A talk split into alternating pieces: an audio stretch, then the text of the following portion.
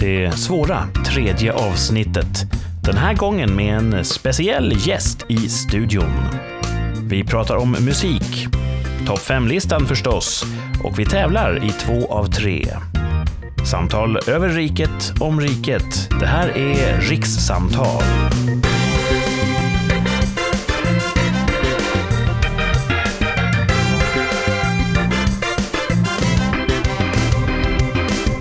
Välkomna tillbaka till eh, det tredje avsnittet i poddserien Rikssamtal. Välkommen tillbaka Thomas. Tackar, tackar. Och välkommen till en speciell gäst i dagens avsnitt, Martin. Tackar, tackar. Eh, Martin nämndes ju i, i förbifarten i förra avsnittet. Precis. Eh, mm. Men han har väl alltid varit i våra tankar när vi har sänt de här. Alltid. Martin, ja.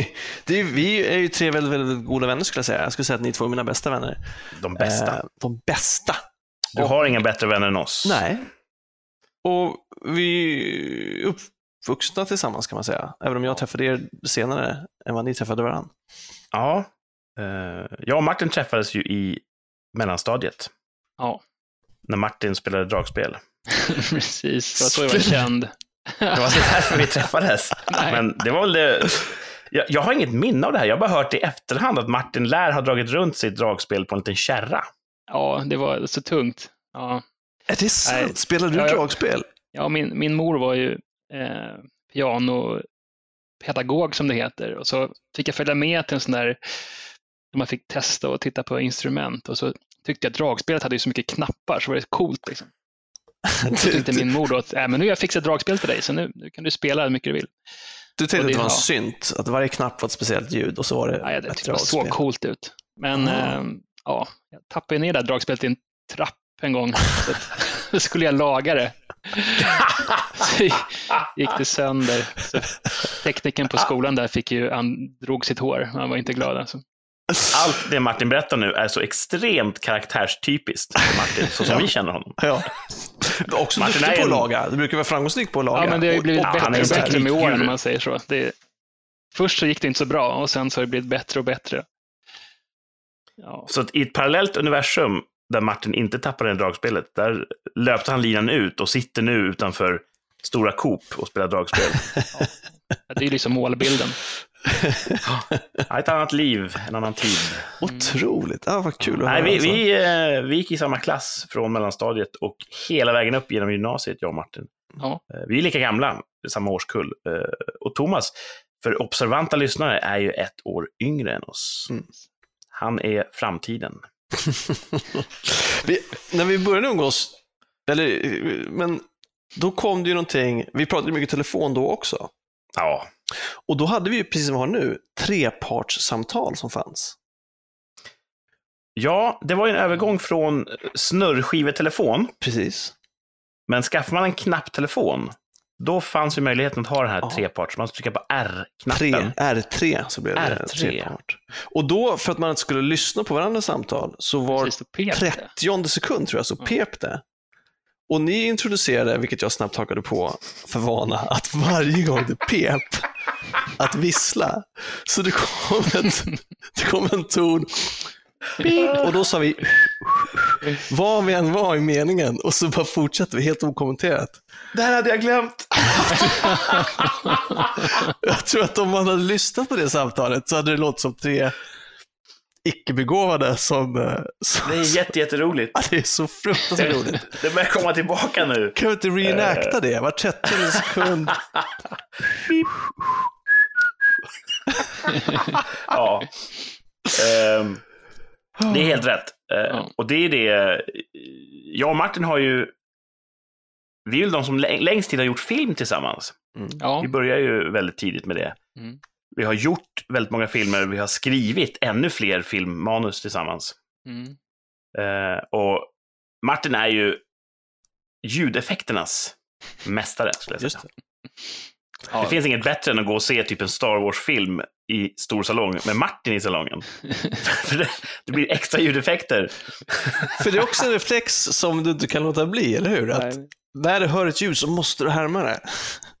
Om det är ett ljud som sticker ut. Att om det är någons mobil som ringer på tunnelbanan så gör ju det också... Ja, ja men det, jag kan verkligen Förneka eller bekräfta. om, man, om man tänker att, att, uh, att vårt liv är Polisskolan-filmerna, så är Martin den här trevliga killen som gör ljudeffekter. Jack Winslow, tror jag skådisen heter. Michael Winslow. Michael Winslow, så. Jag kommer inte ihåg vad karaktären heter i Nej, Polisskolan-filmerna. Ja. Så där, Martin är gäst mm. idag i alla fall, och det är mm. otroligt kul. kul. Det var bara en tidsfråga kände jag. Ja. Um, mm. Och uh, Martin sitter ju också uppe i Storstockholmsområdet. Mm. Vi är väldigt noga med att inte röja våra hemliga identiteter. uh, så det här uh, kvalar fortfarande in som ett rikssamtal. Jag kopplar upp det från södern. Visst. Mm. Elbristens land. Och ni sitter uppe i Mälardalen någonstans. Eh, men inte direkt i knät på varandra. Ni, ni är en bit ifrån varandra just nu, va? Ja, på ja, behörigt avstånd. tror jag. Mm. Mm, precis. Är det så? så nej, ni... nej, det är vi faktiskt inte. Nej, ah, okej. Okay. Eh, samma... Olika skattesatser? Ja. Oh, det är på gränsen där. Gränsen går en liten bit bort härifrån. Okej. Okay. Mm. Men Storstockholm? Ja, Storstockholm, absolut. Och Eh, jag har ju förberett några, några inslag här. Eh, Bra! Martin som är en, en trogen lyssnare, han, han har ju hört alla hittills. Ja, jag är helt pirrig här på att vara med. Liksom. är, det, är det något inslag som har, har tagit dig extra hårt? Alltså, där lämnade... Det är ju lätt när man sitter hemma och sådär. Man kan lista ut dina eh, tävlingar. Så då kände jag att det var ju spännande om man fick vara med live där. Två av tre, ju, var det den? Det är ja. alltid lättare när man sitter hemma, eller hur? Ja, det känns så. ja, man kan svaren och så tänker man, hade det varit lika enkelt om jag stod där i rampljuset? Mm. Ja, det får vi kanske se, för vi har faktiskt en två av tre tävla och vinn oh. tävling. Oh, vad vinner man den här gången? Eh, som vanligt, enligt traditionen, så finns det inga priser. Det är många som har hört Men... av sig också på vårt icke-existerande e-postkonto. Ja, precis. Jag tror att det kan vara så att många vill höra av sig. Mm. Och det kan vi upprepa då. Man kommer kunna höra av sig eh, så fort vi har fler än tio lyssnare. Mm. Då har vi lovat oss själva och världen att då kommer vi öppna ett, kanske ett Instagramkonto. En e-postadress kanske, för äldre lyssnare. Och där kan man höra av sig. Man kanske kan eh, svara på frågor och sånt där. Ja, vi, vi ställer ju ofta mycket. Vi har oftast inte en hel, hel bild. Nej, vi har fler frågor än svar. Ofta. Vi har inte all fakta. Det Nej. kan man väl säga är vår, vårt signum. Och då Så vänder vi oss till vår lyssnare och säger att skriv in. Ja, och just nu är ju hälften av alla våra lyssnare med i studion. ja, precis. Så det finns en risk för att vi, vi eh, faktiskt halverar lyssnarantalet för just det här avsnittet. Ja. ja. Och vi har haft en fallande trend under de här tre avsnitten. Det ska vi inte sticka under stol Men det kan vända. Ja, det kanske är så att eh, att det här är rock bottom vi bevittnar i realtid. Hur som helst, jag har, jag har en topp fem-lista också förberedd. Uh, och så det tvärsäkra uttalandet. Vad var det vi pratade om förra veckan, Thomas? På tvärsäkra uttalanden? Ja. Om det kommer bli sämre innan det blir bättre? Just det. Just det. Och där skilde vi oss åt lite grann i vår eh, profetia. Ganska lite. Du säger att det fortfarande kommer bli sämre, fast inte så mycket. Ja, ah, just det. Så var det kanske. Vad, vad, vad, säger Martin om förra veckans fråga? Du lyssnade på den. Höll ja. du med, eller? Ja, eh, jag skulle säga också att det kommer bli lite sämre innan det blir bättre. Ja, om du får bestämma. Ja, jag ska göra mitt bästa för att det ska bli sämre. Men jag tror att det är ditåt det kommer gå först. Man kan inte allting, tro det nu, men jag tror att det blir lite Allting så. har ju, eh, alla mynt har två sidor. Mm. Det kan ju aldrig vara så att alla tycker att det här, att en situation är dålig. Utan det är alltid någon som är på andra sidan och tycker att det här är ganska bra. Och när vi pratar om att det är dåligt nu för tiden, då pratar vi ofta om det här med våld i samhället, eh, mm. kriminella gäng och så vidare. Och, och, och våldsbrott mot gemene man. Det är en av många saker som, som som definierar tonen av, av att det är illa. Ja, det kunde ju också vara helt, helt öppet. Alltså, det kunde också handla om, om corona, det kunde handla om arbetslöshet. Ja, det, kunde handla om... det är ju många, många faktorer, men jag tänker just det här. Vi tycker att det är dåligt med gängvåld. Där sticker vi ut hakan. Ja. Men på den medaljens baksida, det måste finnas någon som tycker att just nu är det bra. För att... nu, alltså gängvåldsidkarna, de som är med i gäng måste tycka att nu har det ganska, det har blivit bättre. det var sämre förr när vi inte hade gäng, när vi inte kunde bedriva kriminella affärer och, och sådär. Och nu har det blivit ja, bättre. När jag var ensam näringsidkare och inte hade ett gäng att, som backade ja. upp mig. Att när jag var ensam bråkstake då kanske, eller vad man, vad man är innan man är. Jag vet inte vad som definierar gängmedlemmarna. De kanske är affärsmän då, tycker de. Eh, alltså, en ensam affärsman är, en... är svårare än att vara en gängaffärsman. Och så finns det lite risker då, då med, med våld. Men den risken kanske är större om man är ensam. Sen kan det också vara att eh, vi är på ett spektrum där vi, liksom, vi blir ju äldre och äldre och sen så är vi mer negativt inställda då för att vi är gamla gubbar, eller på att säga då. Sen, vi är omoderna vi är på, vi är på väg ditåt. Liksom. De här pensionärerna som vi tyckte när vi var, när vi var små, så, här, negativa till Precis, musik och att samhället... Vi är motsvarigheten liksom... till till våra föräldrar som sa det där är inte riktig musik, så säger vi om, om gängen att det där är inga ja. riktiga kompisar. Och de bara, det är det visst det, du är så jävla gammal. Ja, det är så här kompisar så... ska vara. Det kanske finns en mer positiv eh, inställning också till de yngre, för de normaliserar det här på något sätt. Ja, ja, så bland de yngre finns det en, en framtidstro och tänka att vi har lyckats eh, organisera oss i gäng. Vi går mot ljusare tider. ja. Att, eh, ensamheten är den dolda folksjukdomen. Att, att eh, det har blivit så mycket bättre sista åren. Någon måste väl tycka det, tänker jag. Jag håller helt med. Alltså, någon måste tycka Åh, roligt. Där, där skulle du nästan behöva en gäst då från den världen. Som bara, oh, men du vet innan så, ja. Jag har inte det kontaktnätet, kan jag erkänna. Om, om jag skulle lyfta luren nu eller, eh, och försöka få tag på en gängmedlem, jag vet inte var jag skulle börja. inte ens det här Six degrees of Kevin Bacon. Jag vet inte ens vilken riktning jag skulle börja för att till slut nå fram till en gängmedlem. Jo, det gör det.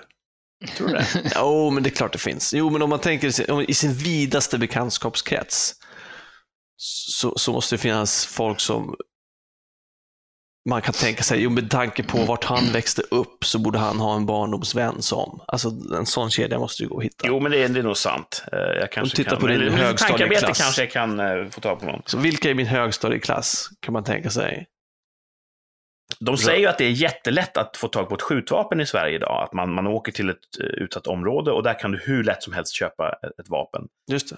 Jag tror att hur lätt det än är så skulle jag ändå så att säga, sticka ut som en turist om jag skulle försöka. Jag, jag skulle känna mig väldigt vilsen i och jag vet inte, går man dit och eh, ska man säga något speciellt? Ska man... Jag tror att det är lätt, men första tre gångerna kanske man blir blåst. Alltså, ja. ja, precis. Jag har massa pengar här så jag vill köpa ett vapen ja. som du har då uppenbarligen. Ja. Man, man går i de fällorna några gånger innan man inser att nej, vapnet först. Ja, exakt. Uh, intressant det här att ni var inne på det här med att vi blir äldre. Aha. För det finns starka kopplingar till dagens topp 5-lista. Mm -hmm. Ska du ta den då? Vill ni höra? Ja. Eh, topp 5-listan idag, det är topp 5 sätt på vilka vi svor att inte bli som våra föräldrar, men blev det ändå. Oh. Oj, ja, det är ganska... Ja, det, är en, en, det, låter, det skulle kunna vara en högst individuell, det kanske bara gäller dig. Jag kanske kommer att säga, så där är inte jag på alla de där fem. Som oftast så för ju allas vår talan. Eh, i de här listorna. Men alltså, ni kanske känner igen er. Jag tror att ni kommer känna igen er i, i femteplatsen på listan. Ja. Jag tycker det är intressant, uh, för att vi, vi har ju liksom sett Kurts pappa när han var i vår ålder, ja, som vi är det. nu. Alltså för 20, 20 år sedan. han stod i köket eh, på er gård där. Ja, det är intressant. Det var skrämmande likheter. jag, har, jag har också, ärligt jag har sett de sakerna. Eh, att jag, jag blir min far. Jag har alltid varit på väg att bli min far. Och ah, jag har, jag har förlikat mig med det. Du har slutat kämpa emot? Man kan bli sämre människor. Att, eh, ja, men det är, det är helt korrekt observation. Och, eh, men trots det, trots att vi älskar våra föräldrar och vi, vi, kan, vi kan leva med att bli som dem till slut. Mm. När vi var unga så svor vi att ah, så där kommer jag aldrig att bli. Mm. Men det finns fem sätt där vi har så att säga kapitulerat. Fem sätt på vilka vi svor att inte bli som våra föräldrar. Och på femte platsen, tycka illa om ungdomens musik. Mm. Jag kommer ihåg när jag lyssnade på kanske Prodigy, ett trevligt eh, technoband mm. eh, på 90-talet någon gång hörde väl mina föräldrar lite grann och de, det var ju, de uttryckte verkligen hur det här, det här är inte musik, det här kan man inte lyssna på, vad är det här? Mm, mm. Och då, det var min första kontakt med att ja, vår föräldrageneration, de tycker verkligen inte om min musik. Så kommer ju inte jag bli. Jag kommer tycka om musik som är bra. Och Precis, och jag kunde inte föreställa mig att det kunde göras musik i framtiden som jag skulle ha en sån aversion emot. Men det måste, jag måste ändå få säga att det måste ju ha gjorts musik när vi var unga som vi inte tyckte var bra. Precis som det görs musik nu som vi tycker är bra. Och musik som vi inte tycker är bra. Det är inte så att ja. allting som är skapat från 2015 och framåt tycker du är dåligt. Nej, och... Jag inte skjuta ner listor sank, men... Du var nog mer en musikkonnoissör än vad jag var. Äsch. När jag växte upp så tyckte jag om musik om det lät så var det, det här, det här är trevligt. Ja. Uh, jag var inte så mycket mer urskiljande så. Jag kanske aldrig var inne på det här hårdrock och punkspåret. Uh, så hörde jag sånt så kanske jag, mm, uh, nej tack, eller någonting annat. Jag hade inga sådana tydliga preferenser och, tog ingen tydlig ställning. Så att, eh, jag tyckte om musik och så hörde jag mina föräldrar säga, men gud, vad är det här? Det här är hemskt. Och jag kunde inte föreställa mig att kan man skapa musik som jag kommer känna lika starkt inför? Nej. Nej, det kommer aldrig ske. Så. Och vilken musik är det som du känner som dina föräldrar känner inför Prodigy för? Nu är jag, jag är förälder själv och jag är, jag är gammal vid det här laget. Jag är väl ungefär i deras ålder där de var. Och den här moderna musiken, eh, där man så att säga... De rappar, antar jag. Rappsjunger Rapping, ja. om problemen i ort farten och det är någon liten så här undulerande tonart. Det här... Gussen, jag såg dig på stan. det är inte min kopp te så till den milda grad att jag, jag har blivit mina föräldrar där. Jag, jag tycker inte om det. Du jag tycker i, inte om det. Du går in i, i dina barns rum och säger stäng av det där, stäng av det där. Ja, ja, ja precis. Helt plötsligt så förstår jag deras perspektiv. Ja, jag har blivit mina föräldrar på just den punkten. Ja, jag kan sticka ut hakan. Jag tycker inte om den musiken. Ja. Nej, jag måste eh, säga att när mina föräldrar, de var väldigt snälla när det gäller musik. Och som, jag hade, min bror och jag hade rummet bredvid varandra och de hade som deras tv-rum på övervåningen och deras sovrum på övervåningen precis ovanför våra rum. Och brorsan spelade väldigt mycket hårdrock eh, och jag spelade väldigt mycket techno och sen så korspollinerade vi så, så växlade vi om så att han spelade mycket techno, ja, på högsta volym. Eh, det här minns jag. Ja, precis. Extremt hög volym eh, och de bara tog det liksom. Jag förstår Ni hade hur. ju bägge två väldigt potenta ljudanläggningar ja. som jag antar att de hade finansierat. Ja, det var ju faktiskt eh, kyrkogårdsförvaltningen som Vänta nu här. Sommarjobb på kyrkan. För att köpa ja, Vi klippt mycket gräsmattor och vattnat mycket gravar. För, många gravar för att få ihop ja, dem. Ja, men, de, men, alltså, ni hade ju väldigt, väldigt bra tryck i, i högtalarna. Och ni använde det ju. Ja, vi hängde mycket där och det var ja. ju en undervåning som var barnens domän och så ja. övervåningen där var eh, dina föräldrar. Och det var ju sällan helt knäpptyst där nere. Nej. Alltså, så en gång när jag satt och gjorde läxor, jag var ju så nattuggla, det är jag fortfarande, satt och gjorde läxor, satte jag på mina lurar och bara drog på stenhård musik. Och sen kom min pappa ner och knackade på, då hade jag som inte stängt av mina högtalare. Utan lyssnade liksom med både lurar och högtalare. Um, ja, så att, du, du, men han var ändå sådär väldigt försiktig. Liksom. Du har också alltid tyckt om bra ljud. Ja. Eh, så jag minns när jag, de gånger jag var hos dig och datorn skulle på så brukar du alltid börja med att spela för dig själv och för mig antar jag THX-reklamen ja, som alltid var på bio innan.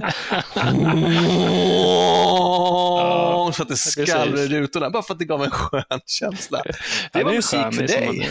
Testet, testet av ljudanläggningen. Liksom. Men man får ju sota det för det idag. Som, säger till alla barn att eh, ha hörselskydd på konserter, för annars kommer det pipa öronen. Men Martin, har du också den känslan då? Att, det, att det, modern musik är dålig, dålig? Alltså, det finns ju specifika genrer som inte jag tycker om så mycket och det är jag, lite grann som Kurt är inne på när det kommer till autotunad svensk hiphop. Eh, så är inte det, det är inte det min favorit kanske. Sådär. Och det är vad eh, kidsen lyssnar på? Jag vet inte, gör de det? Ja, för då är det ju så att då är det ju vissa genrer ni inte tycker om. Men det är inte så att allt som skapas ja. efter 2000 Ja, men det är kanske Nej, det som absolut. är inne, liksom det som kidsen, alltså det är väl det, det som blir hypat är det som... Mm. Det finns ju modern musik som jag tycker om också mm. förstås. Men det är den här hypade, uh, det som blir hypat som man märker, varför är det här en trend? Det, det finns en, en, en, subgrupp inom modern musik som är verkligen, där är jag och mina föräldrar. mm, absolut, jag med. Ja. Och det, det är ju därför plats fem på listan, sett på vilka vi svor att inte bli som våra föräldrar, är just tycka illa om ungdomsmusik. Ja. Mm. Vi sa, vi, vi kommer aldrig bli som dem. Men jag blev det. Och Martin kanske också blev det lite grann. Vi, vi tycker inte om all ungdomsmusik nej, idag. Nej. nej. Eh, plats fyra på den här listan. Eh, det här kanske mer är någonting för mig och Martin att, att uh, identifiera oss i. Plats fyra på listan, sett på vilka vi svor att inte bli som våra föräldrar. Strunta i att putsa glasögonen. Aha. Jag, jag har haft glasögon sedan eh, jag gick i sexan tror jag. Nu har jag kontaktlinser, men jag har, har börjat med läsglasögon på ålderns höst. Så att jag är tillbaka med glasögon. Och jag kommer ihåg att när morsan och farsan hade läsglasögon, man hittade dem ibland, bara, de var så täckta med damm och smuts. Och man, man tänkte att, vad, vad, torka av de här. Jag torkade av dem åt dem och de bara, oj, vad, vad bra man ser nu. och, och sen, sen gick det in till fall igen och jag förstod inte det här. För jag, jag hatar ju när man, man går på stan och får regndroppar sen på glasögonen. Oh, mm. Det är så störande. Och det, då, då blir man verkligen påmind om vilket handikapp det kan vara. Shout-out till alla andra handikappade där ute. Vi glasögonbärare känner er smärta. Um, så jag tänkte ju när jag var ung, varför putsar de inte sina glasögon? Och nu har jag gjort den hemska upptäckten att jag kan själv gå runt. Jag vet om att mina läsglasögon inte är helt rengjorda, men det är okej. Okay. jag har sett det mesta. Alltså, vad är meningen med att putsa dem? Världen är hemsk nog, jag behöver inte se det i all skärpa. För du tycker ju ändå om att hålla saker rent och snyggt, fix färdigt, klint. Ja, det kan man inte tro, men det gör jag. Du putsar ju din dataskärm oftare än dina glasögon då, kan man tänka sig. Ja, där håller jag krampaktigt tag vid ett renhetsideal. Huh. Jag hatar ju flottiga dataskärmar där folk har pekat med sina projektledarfingrar och, och dragit runt. Ja. Så jag har inte en sprayflaska på jobbet. Jag, direkt så torkar jag bort smuts som, som landar på skärmen. Mm. Det tycker mina kollegor är jätteroligt. Jag, jag, alltså, kan det vara så att, um, jag, jag har ju um, inga läsglasögon än. Uh, eller jag kan ha mina vanliga glasögon när jag uh, läser. Men uh, är det så att läsglasögon, är det de som blir skitiga? för de slängs omkring. Det kan ju vara så. dels så kostar de bara 29 spänn på macken. Så att man har inte riktigt samma kapitalinvestering i dem. Det finns ingen riktig sån här känsla av att det här måste jag ta hand om. Eh, försvinner de liksom mellan soffkuddarna så köper man ett nytt par. Ja. Det är inte konstigt än så. Jag kan ju vara så där ibland att jag kan gå med skitiga glasögon för att jag inte har någonting att torka dem med. För att jag vill liksom ha något, inte något eh, liksom grusigt papper som jag har i fickan. Då kan jag liksom låta det liksom vara ett tag tills jag hittar en liksom, eh, bra Min... rengöringsprylar. Mina tröjor är oftast renare än mina glasögon, så behöver jag rent dem så är det oftast tröjan som jag tar till. Ja, det är aldrig bra liksom. Mikrofiberhud. Ja.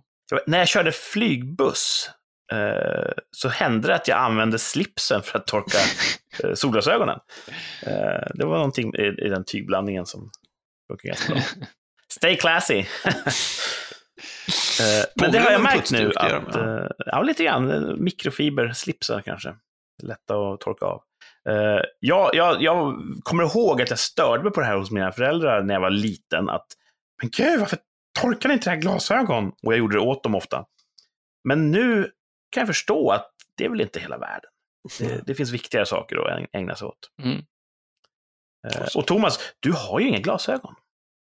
Nej. Du är så ung och oförstörd att uh, allt det här måste te sig som science fiction för dig. Men kan du förstå ändå vad vi, vad vi pratar om? Ja, absolut. Det kan jag. jag framförallt så är jag imponerad av att ni båda var så välartade unga gossar att ni putsade era föräldrars glasögon av ren god vilja. Det ska ni ta med er. Jag tror det var mer en, en tick, att det var en, någonting som rubbade mina cirklar så mycket. Jag var tvungen att återställa det. det okay. Jag kunde inte leva med att det, det fanns oputsade glasögon. Så det var ja. mest för att släcka de demonerna inom mig själv. Aha. Samma, samma mer, mer diagnos än välvilja helt enkelt. Ja, ja, som det mesta jag gör. Eh, men hur som helst, det räckte till en fjärde plats på listan. Ja, mycket bra. Mm. Ja, sätt på vilka vi svor att inte bli som våra föräldrar, men blev det ändå. Eh, den här får vi se hur ni kan relatera till. Den här har ni potential att, att kunna känna igen er i, kanske. Eh, tredje plats på listan. Vi svor att inte köra långsammare än hastighetsgränsen. så fort man får körkort egentligen, man, man eh, är där och fingrar lite grann när man, man även kör, men så fort man har körkortet, då är det här att köra for, för, för fort en bra grej. Att man kör över hastighetsbegränsningen för att man kommer fram snabbare. Det är tuffare och många fördelar. Mm. Um, så att jag har ju kört för fort. Inte vårdslöst vill jag säga, men jag har kört för fort ganska länge under min, under min körkortskarriär. Och när jag var liten och man åkte med farsan, och du vet, han kunde ligga stadiga 15 under på någon vägsträcka och man satt bara och vred sig. Man tittade bakåt, du, eh, i bilar bakom. Äh, ah, och du vet, det fanns alltid någon lakonisk, ah, det är väl inte så bråttom. De får köra om ifall de ska någonstans. Och det, det, det kommer jag ihåg att jag kunde inte förstå den där känslan.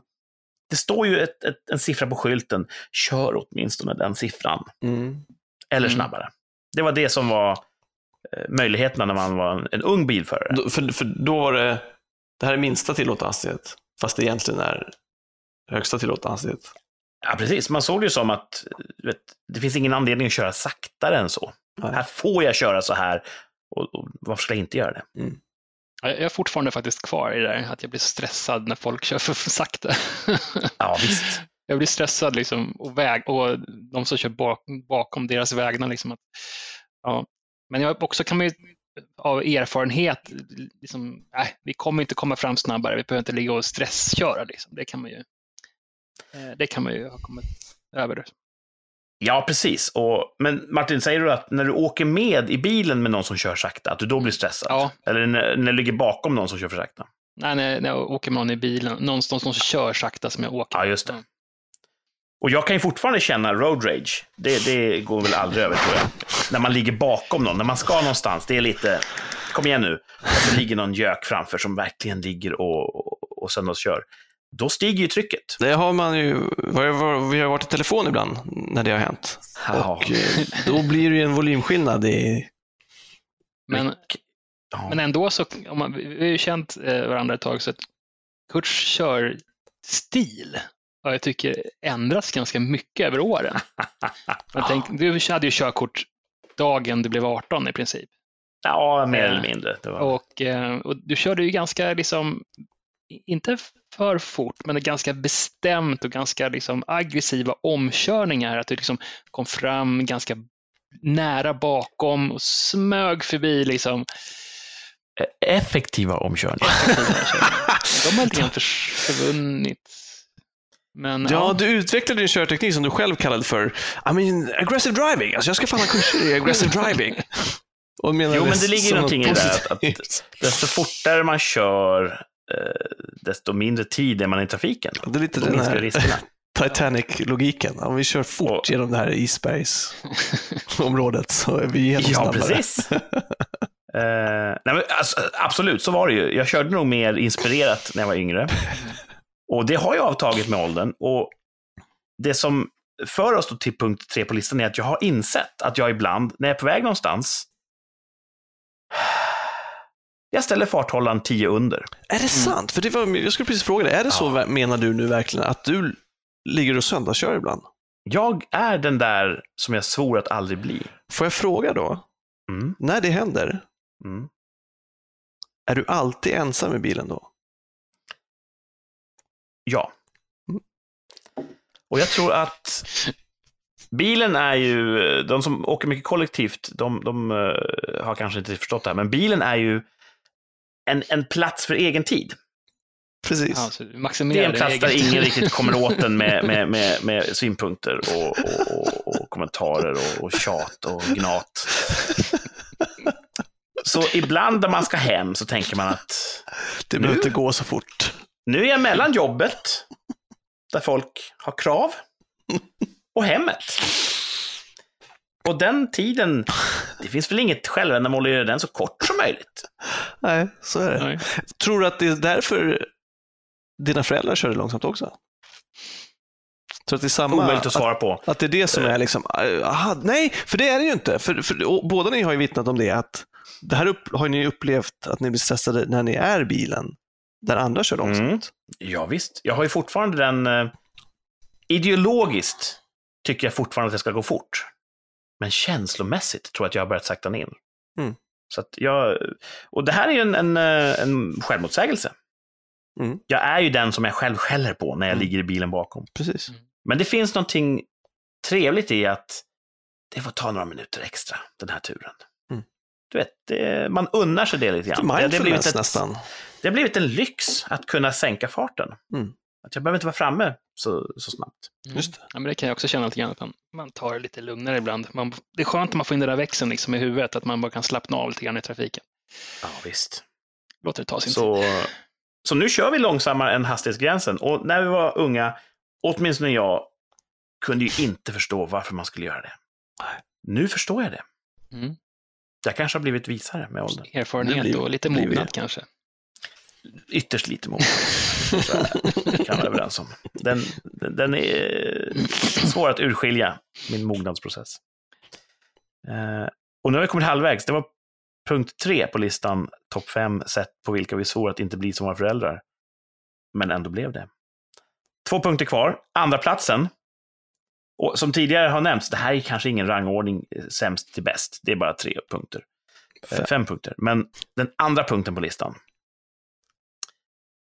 Att låta när vi reser oss ur en fåtölj.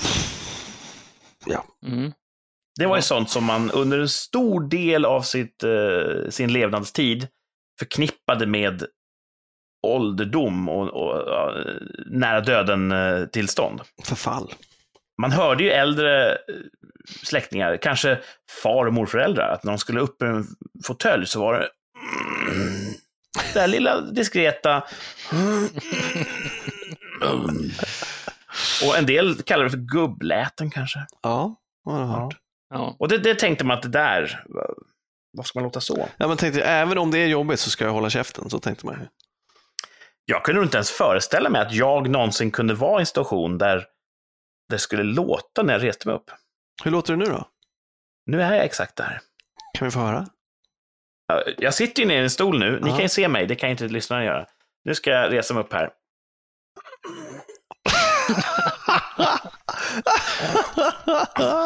Ja. Jag vet inte ifall det fördes över hela vägen upp till, jo, vi till Storstockholmsområdet. Ja. Nej, men jag skulle säga att det är också, man är också där. Man har lite liksom, eh, begynnande krämpor här och var och det knakar lite i kroppen och man, man kan ibland ja, ja. släppa ut det. är ju, läten. Ehm, man är oftast döv för sina egna läten. Mm. En del människor kanske snarkar högt. Och de är ofta de sista som vet om det. Ja. Uh, har jag hört. Att uh, de som snackar, de är inte ens medvetna om det själva, utan alla hör det. Uh, de gör det inte för att vara elaka. Nej, nej, jag tror att det, det är jordens salt, snackarna. De, de är ju genuint goda människor, men de, de bara råkar låta lite när de sover. men man är oftast döv för sina egna läten, sådär, att, att hjärnan filtrerar bort det. Och därför tog det nog ett tag innan jag vart varse att jag faktiskt lät själv. Jag tror att omgivningen hörde mig gubbknorra eh, långt innan jag själv blev medveten om det. Och när du blev det, försökte du råda bot på det? Eller tänkte du bara, this is me now? Vid en viss ålder så ger man upp. och jag kände nog att, ja, det här är jag nu. Ja. Och det får väl vara okej. Okay. Mm. Jag, jag, jag, kunde inte se något värde i att inte låta jag reser Nej, jag skulle precis säga det här med kroppsljud och du. har en mm. egen relation, så skulle det kunna utvecklas till någonting som du faktiskt blir stolt över och förstärker till och med. Det är nog inte omöjligt att, att jag kan göra det här till min identitet. att, att jag kommer lite grann att nästan spela på gubbknorret. Just som det. ett sätt att... Oh, ska vi se här? Oj, oj, oj, oj. Ja, men det tror jag kan, det kan bli, du vet, som man... Eh, någon sorts, eh, inte språklig, men, men lätesmässigt tics. Att man inte kan låta bli att åh, ja. ta i lite extra sådär. Exakt.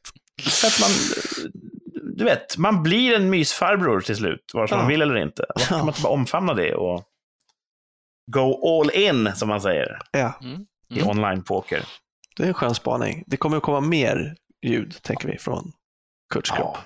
Det har ju alltid kommit ljud och det kommer nog alltid att, att fortsätta göra det. Ja. Ljud är ju kul. mm. Och eh, podd är ju ett ljudbaserat medium. Det kanske Precis. är så att vi kan utveckla podden i en riktning där mina ljud får en mer, mer eh, framstående del. Absolut. Vi kan göra ett specialavsnitt kanske. Ja. Det, det, hade du, det hade du gillat. ja, jag vet Det är också skönt att lyssnarna kan få dela vad jag upplever. Eh, låter ni när ni reser er ur fåtöljer? Ja, jag skulle säga att jag, jag, jag har väl små ljud för mig. Eh, både kropp och leder och, och jag som sådan. Eh, inte så mycket, men Tom, Thomas som, som får stå för det evigt oförstörbara ungdomliga, hur är det med dig? Alltså snarare mer ifall jag behöver plocka upp saker från golvet. Mer när jag Aha. böjer mig ner än när jag reser mig upp. Just det. Tvålen. Eller vad det nu är jag tappar. Ja. Så, hur, hur, låter det? Ja, kan fan du... låter det? Nu, nu ställer sig Thomas upp här, ser jag. Nu, kommer jag, nu känner jag mig så ung och stark. Vad är det du ska plocka upp? Jag la telefonen på golvet. Okej. Okay. Ja. Så.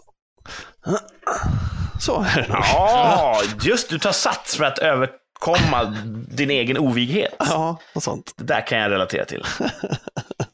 ja, det är faktiskt jag. Jag har inte gjort uh, sit-ups på kanske 20 år. Först i veckan? Ja, nu har jag börjat igen med en träningsform där man ibland Oj. måste göra det. Och då har jag upptäckt att det är något som tar i. Hmm. Du vet, det är inte det att musklerna inte räcker till, det är en mekanisk spärr som blockerar rörelsen. Hmm. Och den spärren är min egen mage. det, det, är fascinerande hur man helt plötsligt har, ja, liksom, man har byggts om i, i kroppen. Du, du, orkar ta dig så långt tills det tar stopp. Men sen tar ja. det för fan stopp, för att det går du inte säger, Du säger långt, det är inte särskilt långt. Det tar stopp tidigt. Men det är inte en muskelfråga. Styrkan finns. Du vet en sån här gravidmage som män kan hänga på sig för att uppleva hur det är att bära omkring på, på, på en graviditet. Mm, vilket borde vara provocerande, för det måste ju vara mycket mer än så. Att vara gravid. ja, ju... Nu vet jag hur det är, för jag har haft den här på mig. Inget hindrar dig från att äta choklad och gråta samtidigt. Så att... Hur som sån, sån mage kan man säga att jag har. Och det, du kan ju tänka dig själv, försök göra en, en sit-up med en sån på, ah. på spänn. Men du, kommer, du, du, kan liksom trycka ihop den så, så rätt hårt för att styrkan finns. Så du kommer dit och du bara, där är den, nu pressar jag den mot knäna ordentligt. Eller? Nej, där jag ger upp. Där, där, där backar jag ner igen. okay. Så att, eh, sidospår, eh, men en relaterat till andra platsen eh, på den här listan. Eh, nu låter vi när vi reser oss upp ur en fåtölj. Och det var någonting som kändes väldigt främmande när man var liten. Mm. Mm. Så att vi kanske såg att vi inte skulle bli så. Men det blev vi. Ja. Och då återstår bara en enda eh, punkt på listan. Number one. Och den här kan tyckas vara lite märklig. Eh, men vi får försöka föreställa oss det här med våra dåtida jags glasögon. Vi svor att inte aktivt titta på nyheter. Oh. När man var barn mm. så var ju nyheter någonting Tråkigt. som bara, man, man fick vänta ut dem tills det man ville se på kom på tvn. På den tiden fanns det ju bara eh, alltså, tv-utsändningar. Det fanns ju ingen streaming. Och vill man se någonting på, på sina egna villkor så var det ju VHS-band som gällde med, med inspelade filmer. Eh, så jag upplevde aldrig när jag var ung att ja, men jag, ska, jag ska kolla nyheterna, se vad som har hänt. Jag håller med helt alltså. Mm. Och nu, häromdagen så tänkte jag så här, är jag nöjd med min nyhetsapp? Ska jag ta bort min nyhetsapp? från telefonen. Och då tänkte jag, Men vad ska jag ha istället? För jag måste ju ha nyheter. Det var otänkbart att inte ha minst en källa till nyheter i min smartphone. Ja. För att det hade känts som att då blir jag isolerad. Då blir jag ju så att säga... Då vet jag inte. Nej, precis. Någonstans gick nyheter från att vara ett, du vet, ett, ett irritationsmoment, någonting som bara stod i vägen för roliga saker, Ja. till någonting man inte vill vara utan. Nej. Ja, verkligen Och- alltså. Mm. Det var bara tråkigt. Jag förstod inte heller när jag var liten. Man bara, det Nej. bara pratar tråk. Helt osammanhängande konstiga ord. Jag förstår ingenting. Mm. Idag kan man känna Och- att man skulle vilja stänga av den där appen, men man förstår ju givetvis att det inte tar bort problemen som finns i världen.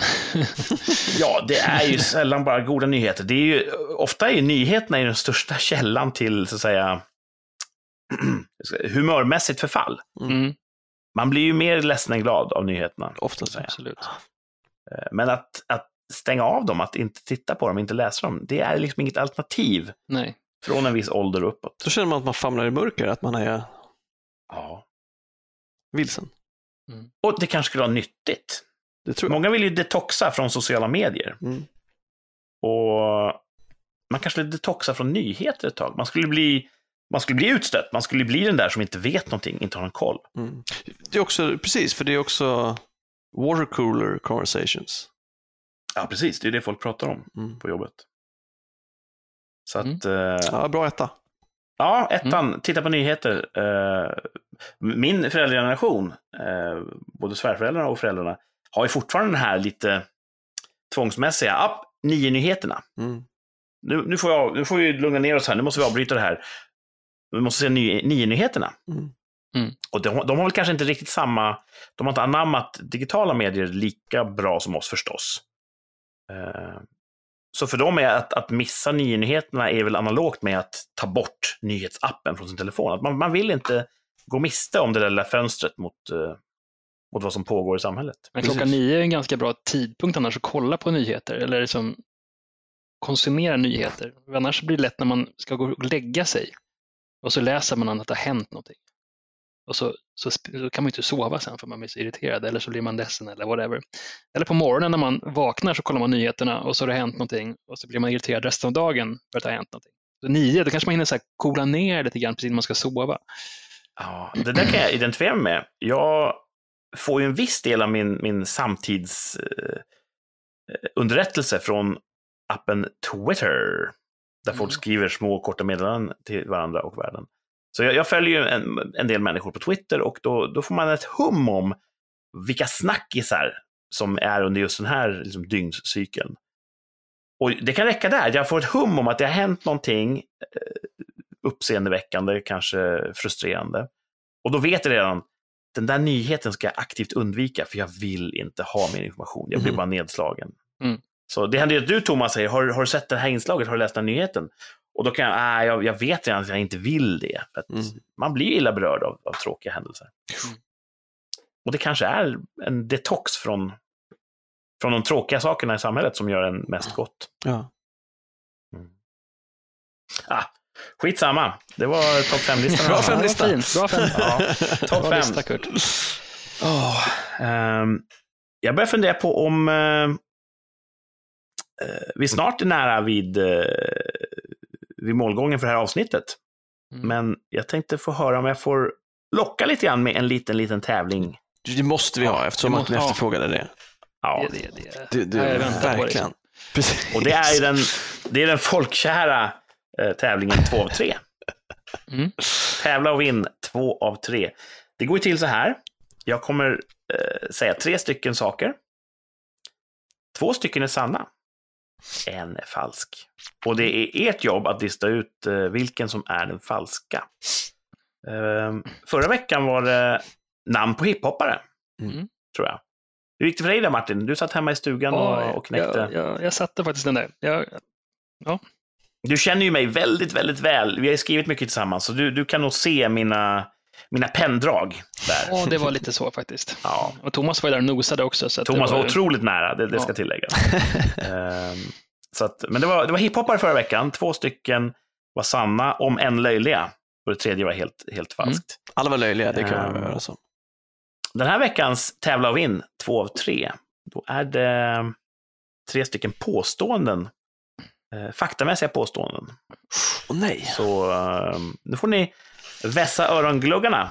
Så kör vi igång med den första då. Okay. Är det här sant eller falskt? Det tar två dagar att göra en jellybean. Det är mitt första påstående. Det tar två dagar att göra en jellybean. Mitt andra påstående. Det bor fler människor i Kalifornien än det gör i hela Kanada. Fler människor i Kalifornien än i Kanada. Och det tredje påståendet. Ett genomsnittligt cumulusmoln, ett sånt vackert vädermoln, de här ulliga molnen på en sommardag. Ett genomsnittligt cumulusmoln väger 500 ton. 500 000 kilo. Eh, tre påståenden från början. Det tar två dagar att göra en jellybean. Det bor fler människor i Kalifornien än det gör i Kanada. Ett genomsnittligt cumulusmoln väger 500 ton. Tre påståenden. Bara ja. två är sanna. Vilket är falskt? Det här är klurigt. Vad sa du, 500 ton? Mm. 500 000 kilo. 500, 000, 500 ton? Ja, okay. vad är det? Vad kan man jämföra med? Vad väger ett fullastat jumbojet kanske? Ja, men, som man säger, antagligen liter vatten. Liksom. en, en, en kubikmeter eh, vatten väger väl 1000 kilo. Martins naturvetenskapliga skolning kickar ja. in direkt. jag, tror att, jag tror att ett moln väger mycket, mycket mer. Eh, de ser så lätta ut. Ja. Det här är ju snittet, ska vi säga. Snittet. Ja, okej, snittet. Inte alla moln. Hashtag. Sen ska jag tänka. Ja, det, allting låter ju som rimligt. Jag tror att Kalifornien har säkert mer, fler invånare än, än eh, Kanada. Kanada är jättestort. Eh, och ja. Och sen så en jellybean kan absolut ligga och rulla där. Fast jag tror Nej. att det, det låter nästan som det eh, jag tror det går snabbare, men det är inte helt orimligt heller. Jag har något svagt minne av att det kan ta lång tid att göra en jellybean. Jag vet inte varför jag har den Du älskar ju också jellybeans. Alltså, du borde ja, det är ju... jättegott. De går ju fortare att äta än två dagar kan jag säga. Men de ligger och snurrar. De, ja. Nästa gång vi ses ska vi äta jellybeans. Det, ja. det är jag säker på. Ja, Thomas ja, brukar gärna. alltid vara så snäll och köpa så här konstiga jellybean, såna med jättestarka eller konstiga. Så här, ja, ja, det är kul. Det uppskattas. Um, så Jellybean, det tar två dagar. Det, det kan ni köpa. Nej, ska vi köra samtidigt eller en i taget? Nej, ja, Thomas ska köra. Själva. Vad tycker du, Thomas? Jag tror, alltså, det låter helt bisarrt att tillaga någonting tar två dagar. Mm. Det, så, så, jag, tror, jag tror att den är falsk. Uh, ja. Samtidigt så är det så är det precis det Kurt vill att man ska tänka. Ja, precis. Det finns ju inget recept som håller i två dagar. Liksom. Eh, eller som, som ska hålla på i två dagar. Eh, Hur kan det... produktionspersonalen inte hinna äta upp den på de här två dagarna? ja. Den är så god. Den ligger där och bara väntar på... Precis, det, det är så bisarrt så att man tror att det inte är sant och det är därför det är mm. sant. Eh, men samtidigt var jag inne på det också, fan moln, det är, det är väl vatten då? Vatten väger ju och de är stora. Eh, mm. så, så, det vill man ju tro. Och så Kanada är ju stort. Men det är säkert Kalifornien också. Ja, och det är väl mycket ödemark i Kanada. Så... Ja, det... Vi har ju varit i Kalifornien. Ja. ja. Det var tillsammans, samtidigt. Jag, det här är fusk kanske, men jag tror... Nej, det är det som inte är sant, ja. ja jag har inte bestämt mm. mig riktigt än. Jag, ja, jag får säga... Ja, jag, jag, jag, jag, Ska vi säga samtidigt? Nej, jag tror inte att mitt svar påverkar ditt, tror du det? Nej, men jag tänkte säga bara så att vi... Men det kan ja, vi jag göra. Tror faktiskt, jag, jag, jag tror att... Då ska vi samtidigt då. Ja, okej. Okay. okay. Det som vi tror inte är sant. Ja, precis. Eh, på tre? På tre. Nej, på okay. fyra blir det, eh. för vi säger ju tre. okay. Det här är bra radio. Två, Två tre. tre. Jellybeans. Jellybean, ja precis. Det där var ja. Ni tror att jellybeans är det falska påståendet? ja, och jag tror att, att det är fel, men, men det är vad jag tror. Du, du, du committar till det i alla fall. Du, du, ja, trots allt. Ja, jag tror att... du satsar dina slantar på Det finns annat mitt... godis som tar jättelång tid att göra, som typ såna här jawbreakers och sånt där. Eh, de ligger och rullar och rullar. Men jag tror inte jellybeans tar så lång tid produktionsmässigt. Jag vet inte, ja, det ska jag inte säga någonting mer. Om ni säger att det tar två dagar att göra en Jelly Bean, om ni säger att det är falskt, framför att Kalifornien har fler invånare än Kanada och att ett cumulusmoln väger 500 ton. Jag tror att, ja. Då har ni helt rätt. Ja. Därför att, och nu kommer kicken, nu kommer M. Night Shyamalan-vändningen. Åh fan, det tar längre tid. tid. Det tar sju dagar. Lägg ägg, det är inte sant. Det tar, det tar en vecka. En vecka? Att göra en, en Jelly Bean. Du får en helt annan respekt för de hutlösa priser de tar för Jelly Beans. Så det tar ett år att göra 52 Jelly Beans. Ja, och sen... Nej, så är det är ju en parallell process förstås. det är inte en parallell process. Man, man gör ju miljontals Jelly Beans eh, varje dag. Men, men det som spottas ut i fabriken, det stoppades in ungefär sju dagar innan. Mm. Otroligt. Mm. Ja, det är tydligen, eh, dels ska det då kokas ihop och, och, och härdas, den här geggan i mitten. Och så tror jag de ligger och rullar i något ja. socker för att få det här hårda skalet. Fan, Martin snackade också om rullar. Ni hade ändå koll på processen. Eller Martin hade ändå koll på processen. Ja, vi har ju hetsätit så mycket godis så att det måste ha gjort ja. ett, ett, ett avtryck. Jäklar. Ja, det var spännande. Jag trodde inte riktigt att det skulle ta så lång tid. Men jag har ändå hört någonstans i bakhuvudet, eller hört, ja, någon, någon gång har jag hört att det tar lång tid. Men, ja. Det man det hör i bakhuvudet att, är inte sant. Nej, det är inte alltid. Ni, ni, ni prickar in dubbelvinst, bra jobbat. Eh, men det gör att det är faktiskt sant att delstaten Kalifornien, de har 40 miljoner invånare ungefär. Mm. Och hela Kanada, som är ett jätte, jättestort territorium, har bara 38 miljoner invånare. Ja, det är ändå close call. Så det ska man tänka på ibland när man äh, ligger och försöker sova. Ja, bra tävling. Ett cumulusmoln mm. väger faktiskt 500 000 kilo. That's a lot. Men som Martin var inne på, när man tänker om då att, att äh, en kubikmeter väger ju då ett ton, så att 500 kubik vatten, ja men det kan man faktiskt se att det sprids ju ut över en väldigt stor yta. Mm. Och det är därför de kan hålla sig uppe. Men ibland kan de inte hålla sig uppe och då kommer de ner som regn. Så det, det tål att tänkas på. Fint. Mm. Hur funkar det? Ja. Så det var, vilken kul tävling. Tävla och vinn. Och idag vann ni. Dubbelvinst. Ja, dubbelvinst. Ja. Grymt. Uh, jag tänkte så här. Vi måste ha ett tvärsäkert uttalande. Ja. Om ett år, ungefär, då kommer vi återkoppla och se vad var det vi sa som vi var så tvärsäkra på för ett år sedan i, mm. i podden. Och fick vi rätt? Det är lite mer långsiktigt tävla och vinn kan man säga. Mm. Så um, dagens tvärsäkra uttalande, och vi får var och en individuellt eh, ta ställning. Bakgrund. Det är på väg att släppas en serie smartphones där poängen är att man kan vika ihop telefonen. Och inte som förr i tiden när man vek ihop knappsatsen över skärmen, utan nu viker man skärmen. De har lagt otroligt mycket möda på att göra en skärm som är vikbar. Och det kommer, ja, det, det släpps en del telefoner nu där man kan vika ihop skärmen. Och frågan är, kommer det här bli nästa grej? Kommer det här vara en grej om ett år? Kommer det vara så att alla har övergett konventionella telefoner till fördel för telefoner där man kan vika ihop skärmen? Kommer viktelefoner bli en grej? Vi börjar med Thomas. Ja, det är ju, jag har ju svårt att visualisera det här. Man, nu ser man ju framför sig den telefon man har idag och att man viker den dubbel. Och det är inte så det kommer se ut. Det kommer ju vara mycket, mycket smidigare. Det var någon som, jag såg något förut där någon höll som ett pappersark. Att det är så här litet det kommer vara. Som man kan vika ner som en servett. Och så kommer det inte heller vara. För de här är först. Så jag tror att de här kommer vara klumpiga, dåliga och inte bli en grej.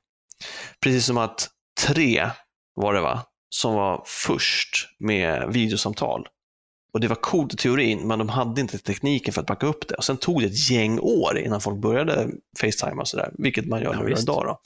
Vi videosamtalar ju nu, det vet ju inte mm. lyssnarna nödvändigtvis. Men precis, och det var inte på tapeten att göra det med den dåliga kvaliteten som var när tre införde det. Så jag tror att det kommer bli en repris av det.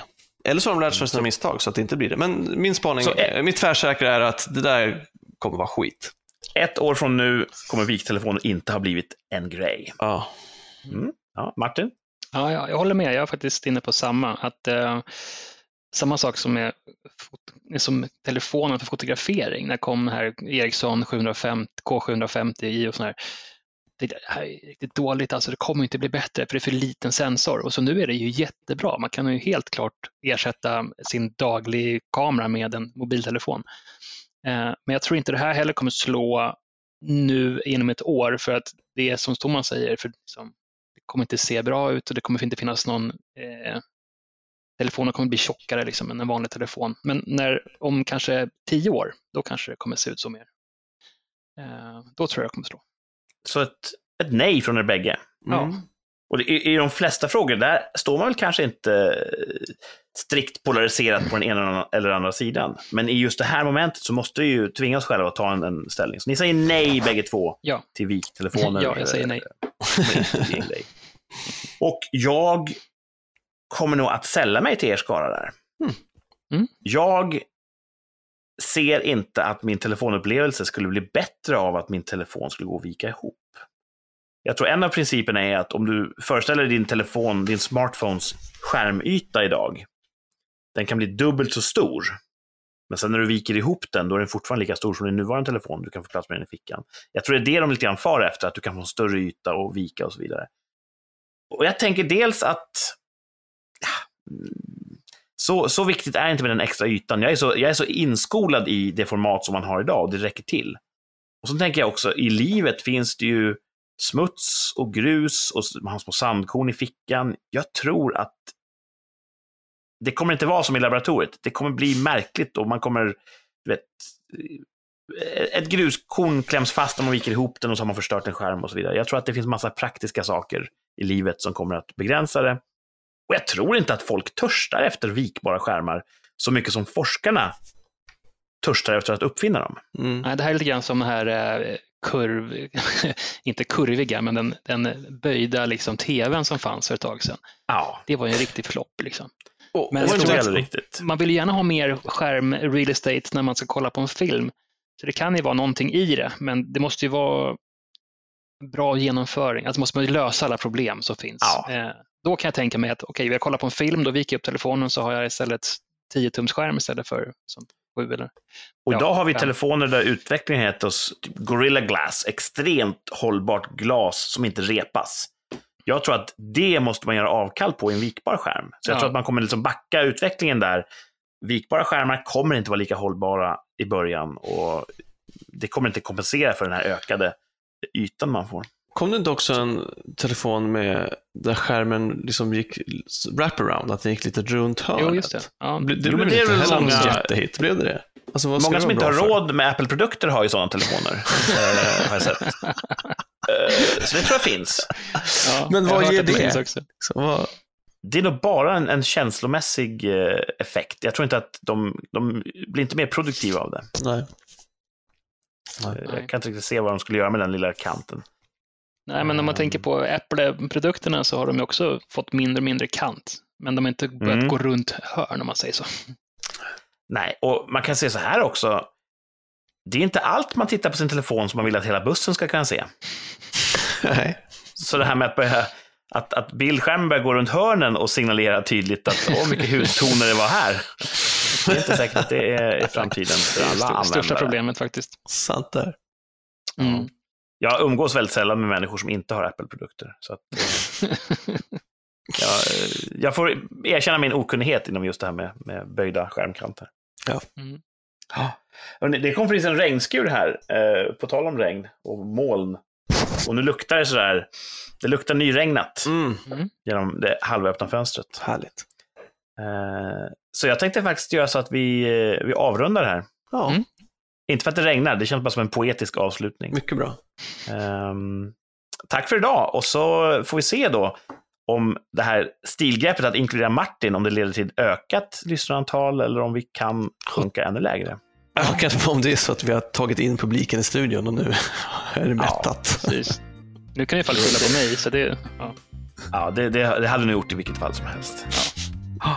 Men hörni, tack för idag och, tack för idag. och ha, en bra, ha en bra vecka. Samma, samma. Mm. Shaba. Shaba.